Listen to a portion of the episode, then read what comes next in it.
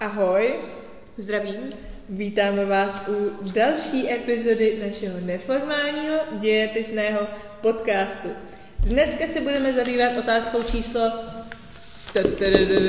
15.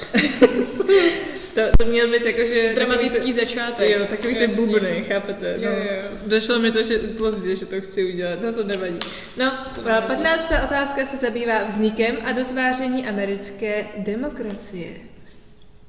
A hned začneme hned u průběhu kolonizování Ameriky. Kiki, předávám ti slovo. Děkuji ti za přidání slova. Um, dobře, tak můžeme se teda do toho pustit. Já se pokusím v tom nestratit, protože to je opět hodně informací. A začneme prvními obyvateli Ameriky. Ty pravděpodobně přišli z Ázie a přišli přes ten Beringův průliv uh, a jsou tedy nazýváni uh, těmi původními obyvateli. V roce 1000 uh, doplul první Evropán uh, na území Ameriky, ano. Já mám otázku. Povídej. Já si myslím, že nám říkal pan učitel mm, na semináři, že ti první eh, obyvatelé Ameriky, co přišli z Azie, tak tam přišli vlastně tak, že to bylo ještě v té době, kdy vlastně tam Byla doba ledová. No to nevím, jestli byla doba ledová. Ale byla tam takové, jakoby nebylo tam tolik vody, co se týče toho oceánu a prostě oni přešli. To nevím úplně, kdo vám to říkal.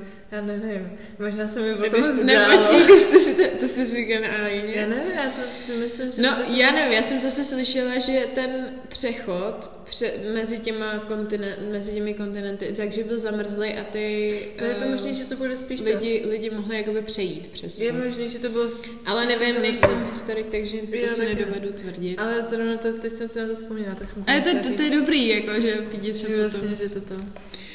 Um, takže od toho Beringova průlivu uh, se vrátíme k tomu prvnímu Evropanovi. Ten to byl právě viking Leif Erikson, eh, který zde založil kolonii Newfoundland. A byl to teda syn vikinga Erika uh, Rudého, který kolonizoval Island a Grónsko.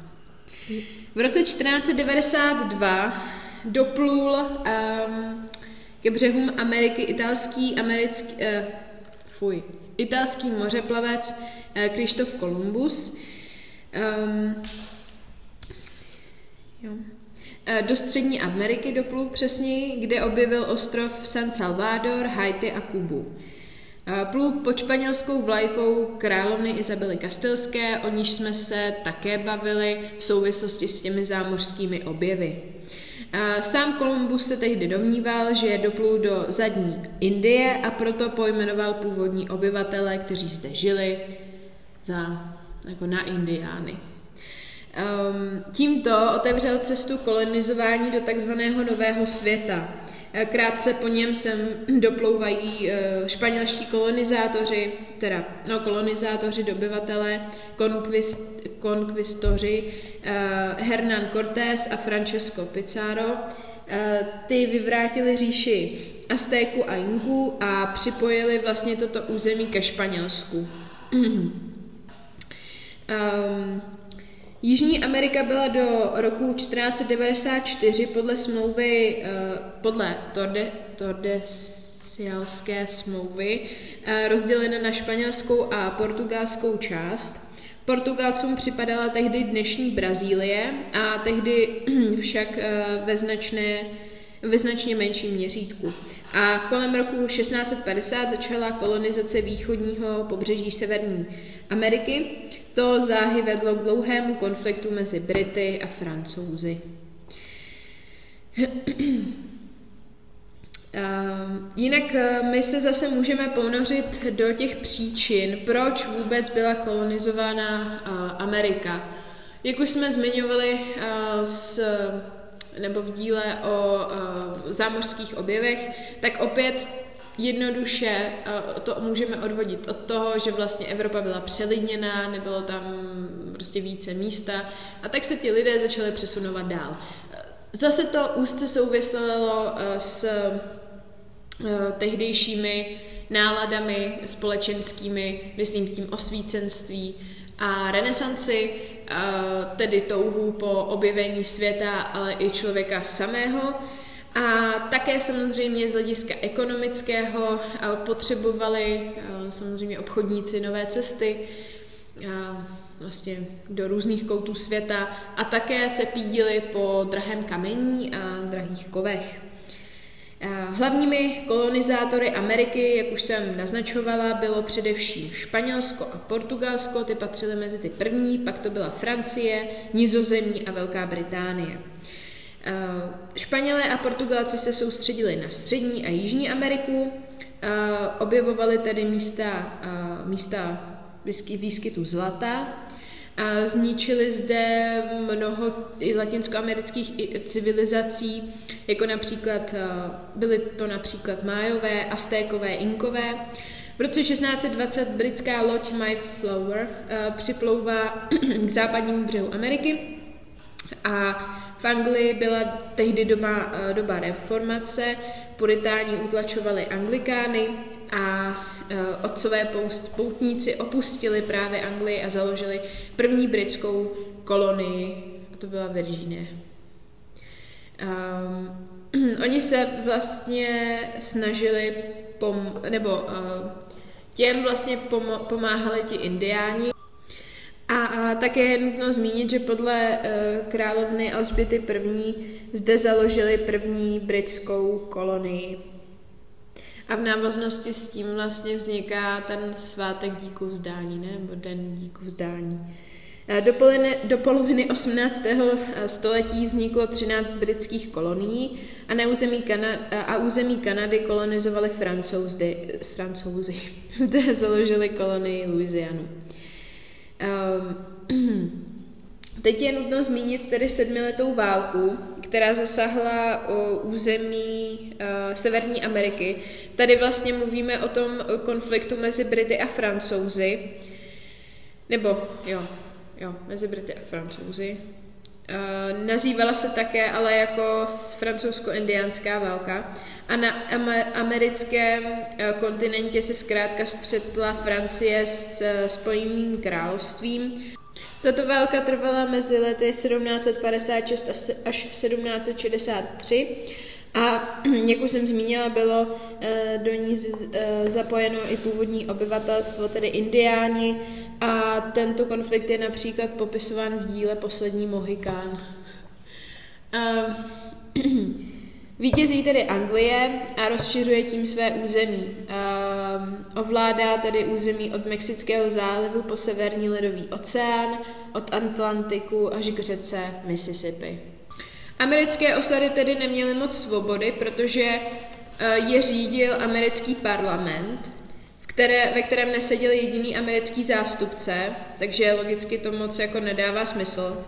A kolonisté nesměli, nebo v této souvislosti s tím, tak byla uh, nařízena nebo byla nařízena takzvaná politika merkantilismu, uh, což znamenalo, že kolonisté nesměli tehdy obchodovat s kýmkoliv jiným než s Anglií. Uh, za, za dovážený anglický cukr a čaj platili clo a za noviny a smlouvy vybírala Anglie daně podle kolkového zákona. Dalším biznesem pro Anglii bylo třeba otrokářství, které se stalo druhým nej, největším příjmem uh, podnikatelů pro tradiční textilní průmysl. A zejména v, jižen, v jižních anglických koloniích se na obřích stacích a plantážích pěstovali tabák, bavlna a rýže a farmáři si na tuto práci najímali otroky dovezené z, z Afriky. Zatímco v severních osadách se rozvíjelo farmářství, těžba dřeva, rybolov, obchod. Zase to souvisí s těmi klima, ne klimatickými, ale zkrátka souvisí to s těmi podnebnými podmínkami. Um, o tom, kde se vlastně s čím obchodovalo.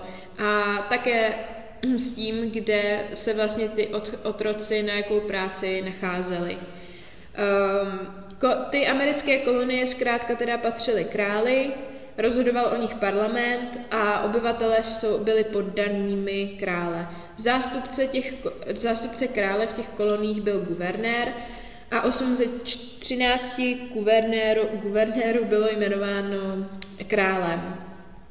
Ty ostatní pak eh, byli voleni schromáždí, eh, nebo na tom eh, schromáždění lidu A vztahy mezi Anglií a koloniemi byly zpočátku dobré, ale od poloviny 18. století však nastaly změny. Teď se posouváme k dalšímu bodu a tím jsou boje amerických osad za nezávislost, jejich příčiny a výsledky. Je to tedy další bod osnovy, kterou budete mít napsanou dole v popisku, pokud to vůbec někdo čtete. Ale já to tam píšu po každý. tak uh, začínáme tedy příčinami. Sedmiletá válka byla tedy velice finančně náročná pro Anglii, takže zvýšili daně pro ty osadníky e, amerického území a zavedli takzvaný kolkový zákon, kdy nastala povinnost platit daň za všechny písemnosti a noviny plus daň za cukr a všechny plodiny dovážené z nebritských kolonií. Takže e, to vlastně bylo hlavně jenom pro tu Ameriku. Eh, v Anglii tohleto moc provozováno nebylo a e, ti osadníci začali být velice naštvaní, jelikož Británie začala omezovat rozvoj průmyslu a obchodu v koloniích, aby vlastně ta Amerika byla e, zaostalejší než Británie a tudíž tam ti lidé nechtěli jakoby odcházet. No, e, tím pádem vzniká nespokojenost a v roce 1770 nastává bostonský masakr, což je takový menší předchůdce e, roku 1773, kdy právě přichází bostonské pití čaje.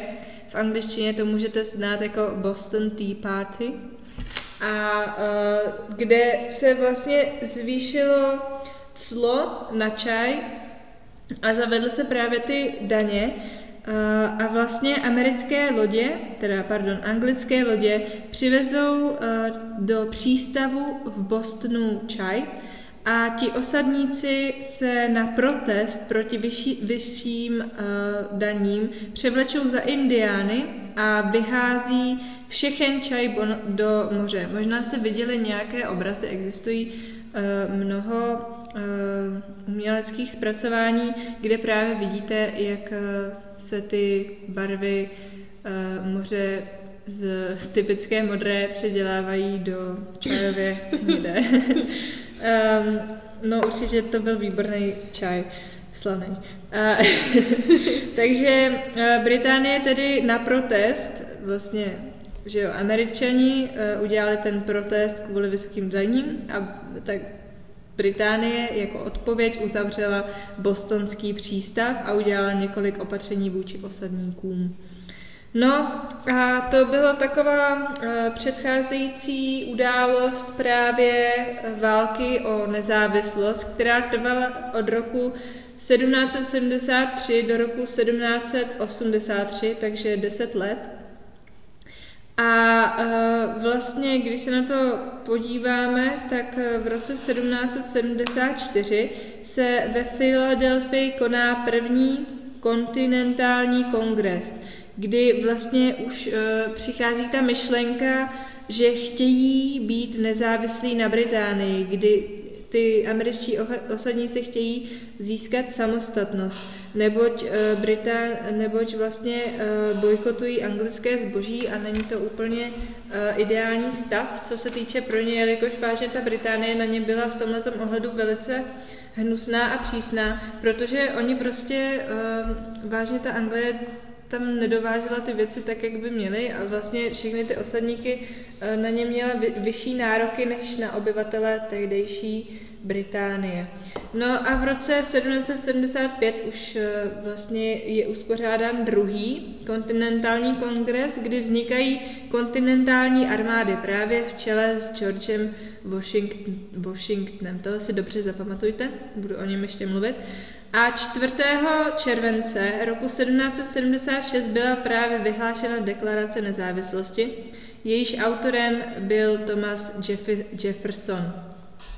Spojené státy americké se tak stávají nezávislými a na stranu amerických povstalců se postavily i Francie, Španělsko a Portugalsko, kteří jim dávali a zajišťovali finanční a vojenskou pomoc. No, eh, o pár let později, tedy 1781, dva roky před skončení eh, válkou, vznikají ústavy Spojených eh, států který vlastně to, tento konflikt celkově hodně ovlivnil Evropu, co se týče uh, postavení, kdy vlastně dříve byla Británie že e, součást spousty kolonií a uh, útoků a nyní se vlastně všichni staví proti ní a podporují velko, pardon, USA. Uh, no a přichází rok 1783 a ta, zde v tomto roce je podepsána mírová dohoda mezi Británií a USA, kdy tedy Amerika vítězí uh, tento boj o americkou nezávislost a e, v roce 1788 e, je přijata první americká ústava a George Washington byl zvolen prvním americkým prezidentem. Já vám říkala, co se pamatujete, protože on vlastně, uh, určitě jste viděli, jak vypadá několikrát a um, takže tím vlastně vzniká první, uh, první uh, americký prezident a americká vláda už samostatná, nezávislá na Velké Británii. Když už nám tedy vznikl uh, vlastně samostatný americký stát, tak bychom se rozhodně měli podívat i na jeho chod, co se týče ústavního systému. Takže začnu s další tou, s tím podbodem americký ústavní systém. Eh, tahle, tenhle podbod je docela kratoučký, protože většinu z těchto informací už známe třeba z hodin uh, základů společenských věd nebo dějepisu, po případě zeměpisu. Uh, takže Spojené státy americké uh, jsou uh, nebo tvoří federální stát. Um, um, Nejdříve teda, když zůstaneme v té době, kdy vznikly Spojené státy americké a byly docela dost ještě mladionké, tak vlastně tehdy se ti američané nedokázali dohodnout, jestli ty těch 14, 13 kolonií spojí do jednoho centralizovaného státu, nebo jestli vytvoří jakousi federaci.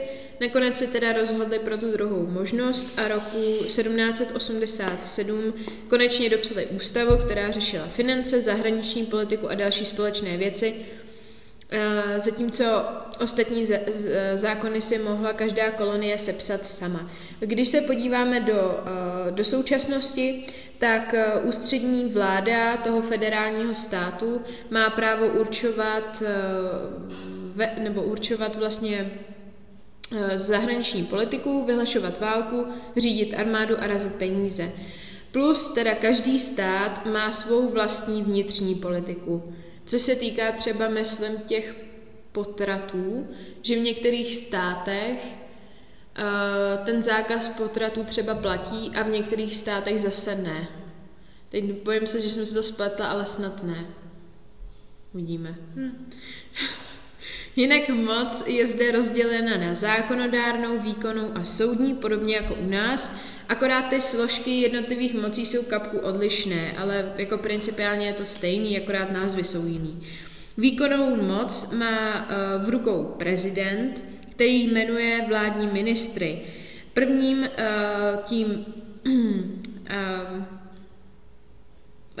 prezidentem pardon, se stal George Washington, a následoval ho pak John Adams, což byl vzdělaný bratranec zmíněného Samuela Adamse a pak to byl teda Thomas Jefferson. Um, zákonodárnou moc má v rukou kongres, jenž se skládá ze sněmovny reprezentantů a senátu a soudní moc má nejvyšší soud. Jehož e, členové zůstávají ve funkci doživotně a hlídají dodržované ústavy a, nebo dodržování ústavy a mohou odvolat prezidenta.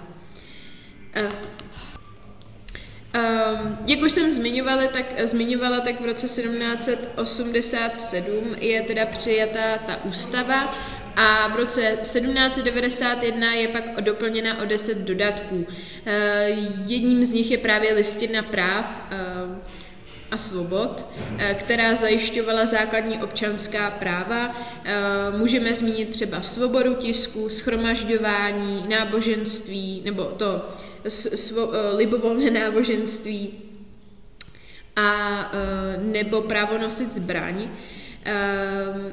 Ten vznik americké demokracie není úplný. Přestože se zde vlastně konají e, nějaké pravidelné volby, tak ale ústava nepovoluje, e, nebo to ústavní právo pro e, ty demokratické volby nepovoluje volit indiánským a černošským, uh, indiánskému a černošskému obyvatelstvu ani ženám. Právo, právo volit mají tehdy v začátcích, nemluvím o současnosti, nemají, uh, nebo mají, pardon, mají jen vlastně muži, uh, kteří se nějakým způsobem uh, podílí na chodu toho státu, takže platí daně. Jinak zpočátku, ještě tak pro zajímavost a vlastně nějak pro srovnání těch pojmů, tak hlavním městem uh, Spojených států byla zpočátku Filadelfie, ale později uh, se začala budovat nová metropole a ta se pojmenovala po prvním prezidentovi Spojených států Washingtonu.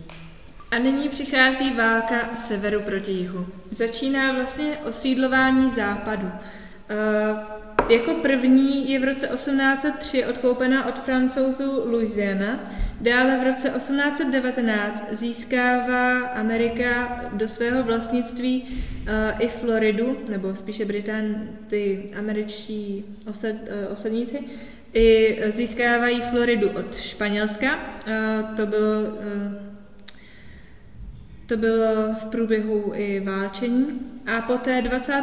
března 1820 eh, probíhá takzvaný ehm, missouriský eh, kompromis, kdy je zde položena otázka řešení otrokářství. A, a také se přijímá svobodný stát Maine.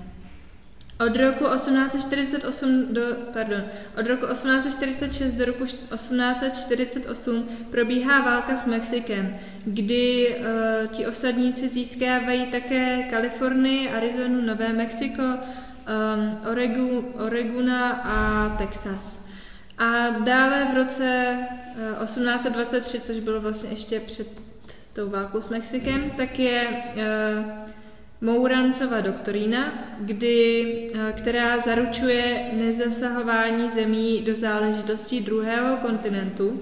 A dále v roce 1854 je uh, zavedena nebo založena i protiotrokářská uh, strana, která tedy chce osvobodit otroky a vlastně zrušit otroctví. No a uh, v roce 1867 odkupují od Rusů i Aljašku, což je podle mě uh, velmi důležitý fakt, neboť Aljašku do té doby vlastnili uh, Rusové, a, nebo vlastnilo Rusko.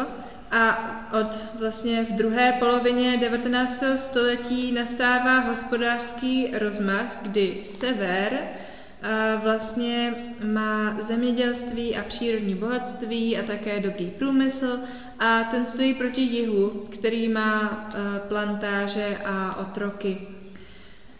No a zde právě e, toto zapříčinilo vznik dvou politickým stranám, tedy republikánů, což byly e, sever, což byl sever, a také průmyslová buržoazie, kdy ještě taková zmínka je, že v roce 1854 uh, by ti uh, abolicionisti chtěli omezit otroctví a zde právě byly dvě důležité osobnosti, a to John Brown a Abraham Lincoln. A poté ta druhá politická strana, tak uh, to byly demokraté, což byl tedy jich a plantážníci. No a nyní se tedy můžeme už posunout na celkovou občanskou válku v USA, která probíhala od roku 1861 do roku 1865. Zde se právě utkal sever, neboli Unie, proti jihu, tedy konfederaci. Příčiny byly e, například velké rozdíly mezi severem, který e, byl hodně e, pokročilý, co se týče průmyslu a financí, a právě proti jihu, který byl zaostalejší, tedy v zemědělství a plantážích. No, otroctví na severu bylo nelegální, zatímco na jihu to byla běžná každodenní záležitost, kdy si bez otroků ani život neuměli představit a poté tedy v roce 1860, kdy byl zvolen um, prezident uh, republikán Abraham Lincoln, který byl proti otroctví, tak to vlastně donutilo ty jižní státy, aby se osamostatnili a vytvořili takzvanou konfederaci a prezidentem se tam stává Jefferson Davis.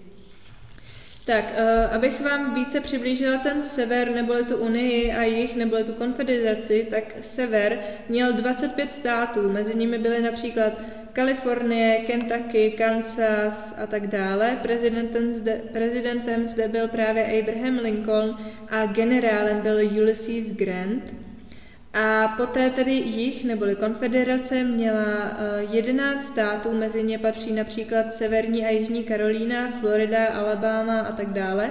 A prezidentem zde byl Jefferson Davis a generálem Robert Edward Lee. Určitě eh, jste někteří viděli film uh, Sever proti jihu. Já ho velice doporučuji, pokud chcete mít v tomhle vážně uh, dobrý uh, rozmach a vědět spoustu zajímavostí a tak nějak průběhů a učit se to zábavnou formou, tak určitě doporučuji ten film.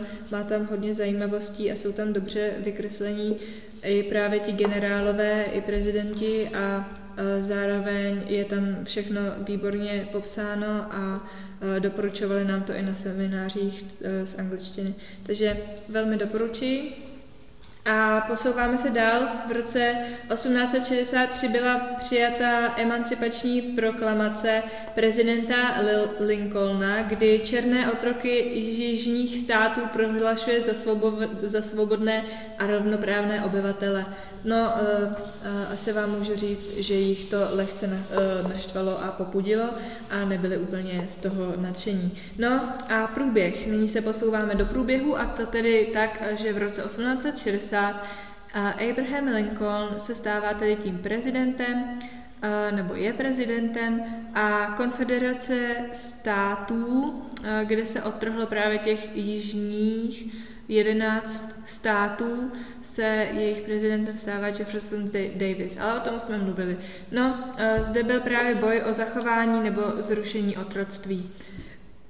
V roce 1861 nastává převaha jihu, kdy Robert e, Edward Lee um, ohrožuje Washington a od listopadu 1863 uh, byl zaveden zákon o zrušení otroctví, kdy tedy černoši uh, už můžou, nebo či, kdy černoši se uh, staví i do armády proti vlastně tomu jihu, který chtěl zavést zpátky do otroctví. A zde přichází první bitva, nebo uh, tak a to byla bitva u Gettysburgu, kdy Ulysses Grant byl proti Robertovi Lee a uh, Robert Lee byl právě poražen. 1863 nastává vítězství voleb, kdy Abraham Lincoln uh, zase vítězí a uh, Atlanta byla vypálena. No a místo Granta se stává mm, ježiš, generálem Sherman, a 9.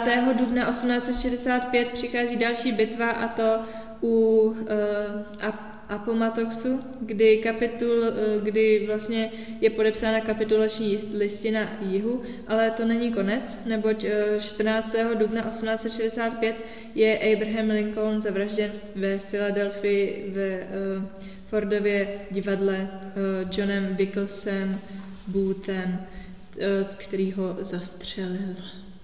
Dobrá. Takže ze země zemědělců uh,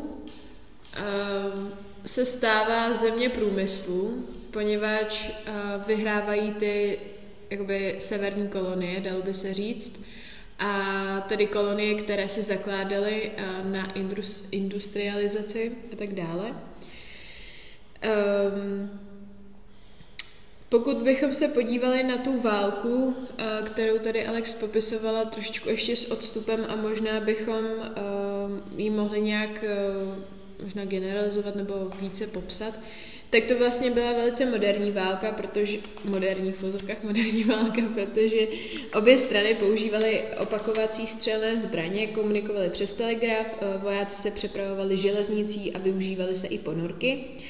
Zároveň to byla pro Spojené státy ta nejsmrtelnější válka, padlo v ní více Američanů než v první a druhé světové válce dohromady, což je jako fakt maso teda. Mm-hmm. A um, Spojené státy byly obnoveny a jejich vláda začala pracovat na 15-leté rekonstrukci, tedy vyrovnání rozdílů mezi severem a jihem. Na jihu se ku příkladu začalo investovat a stavět a celé Spojené státy se velmi rychle přesouvaly od zemědělství k průmyslu, jak jsem na začátku naznačovala. Na konci 19. století ekonomicky rostly Spojené státy rychleji než Velké, Velká Británie. Jižané taky museli zrušit otroctví ale zpočátku se na mnoha farmách, eh, nebo na mnoha farmách eh, otroci zůstali, protože byli bez peněz a neměli zkrátka jinou možnost. Jinak eh, černoští obyvatelé každopádně stále nebyli považováni za rovné bělochům, rasová segregace přetrvávala a vznikaly rasistické organizace jako například Ku Klux Klan, který prosazoval nadvládu bělochů.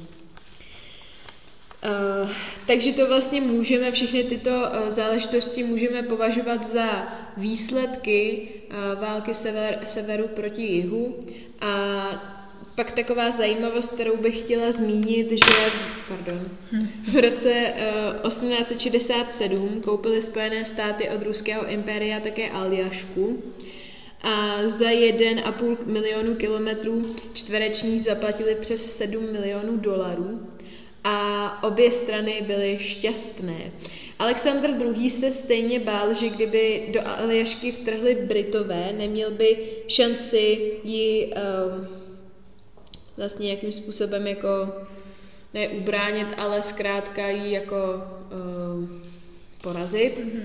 A američané zase věřili, že z Aljašky bude dobře, uh, že se bude z Aljašky dobře obchodovat s Ázií. My už teď v současné době víme, že to byla tak trošku prohra pro Rusko, protože uh, na Aljašce se uh, nachází velké, uh, vlastně jako velká ložiska ropy. Hmm.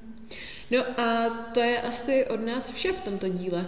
Ano, těšíme se na vás u 16. epizody a to už se znovu vrátíme do naší krásné české země, takže se uslyšíme příště.